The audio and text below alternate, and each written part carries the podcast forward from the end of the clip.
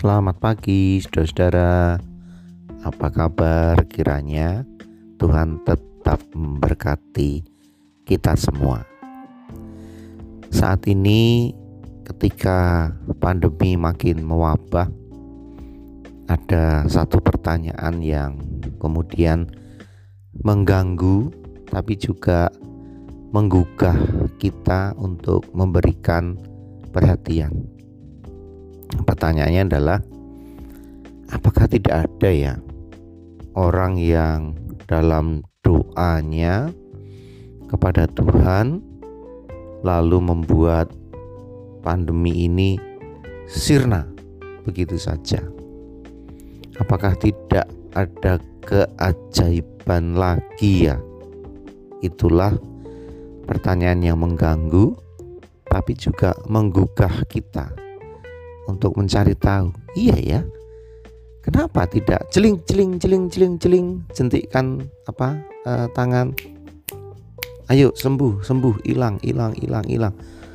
Tapi kok dari Sabang sampai Merauke dari Indonesia sampai belahan bumi yang lain yang terpapar yang terkena terus saja ada dan korban terus saja bergelimpangan. Apa ini maksudnya? Kenapa tidak ada seakan-akan ya, tidak ada keajaiban? Ini pertanyaan yang menarik untuk direnungkan. Coba bandingkan eh, para murid ketika itu, para apa jemaat mula-mula ya. Dikisahkan di sana dalam kisah para rasul. 2 ayat 43 maka ketakutanlah mereka semua. Sedang rasul-rasul itu mengadakan banyak mujizat dan tanda Kisah Para Rasul 2 ayat 43. Siapa yang ketakutan? Orang-orang yang melihat atau di luar kelompok orang Kristen baru ini.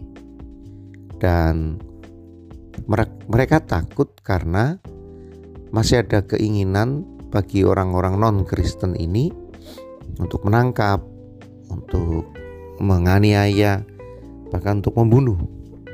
Tapi dengan apa yang para murid lakukan membuat mereka jadi takut untuk menyerang, takut untuk mengganggu.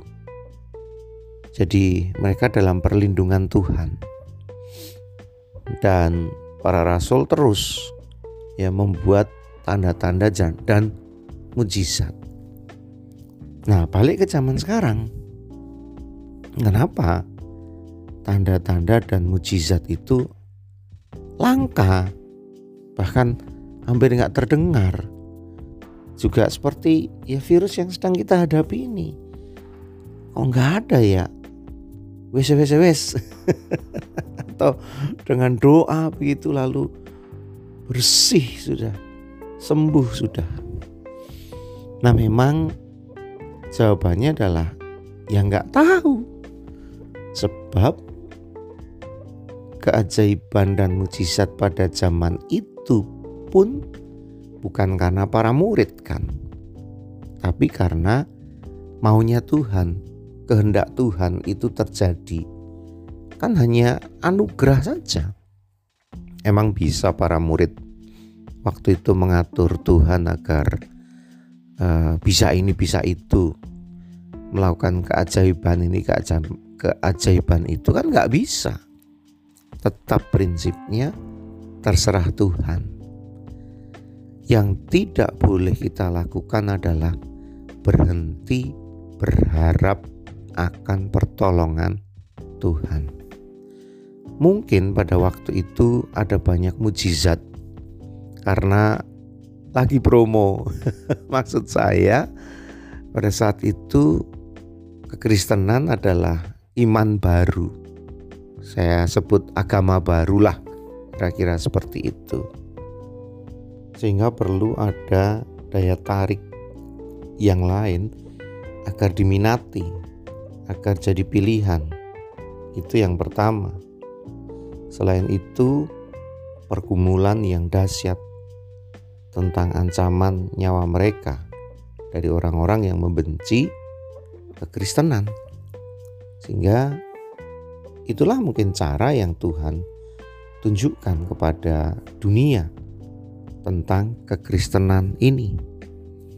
Nah, bagaimana dengan zaman kita? Pergumulan kita apa? Persoalan kita apa? Kita bisa menafsirkan macam-macam. Tapi salah satu ada yang mengatakan ya, kita ini ada di akhir zaman katanya. Sehingga kesabaran sehingga ini adalah penyaringan terakhir orang yang tabah kuat di akhir saja yang bisa melewati ini semua.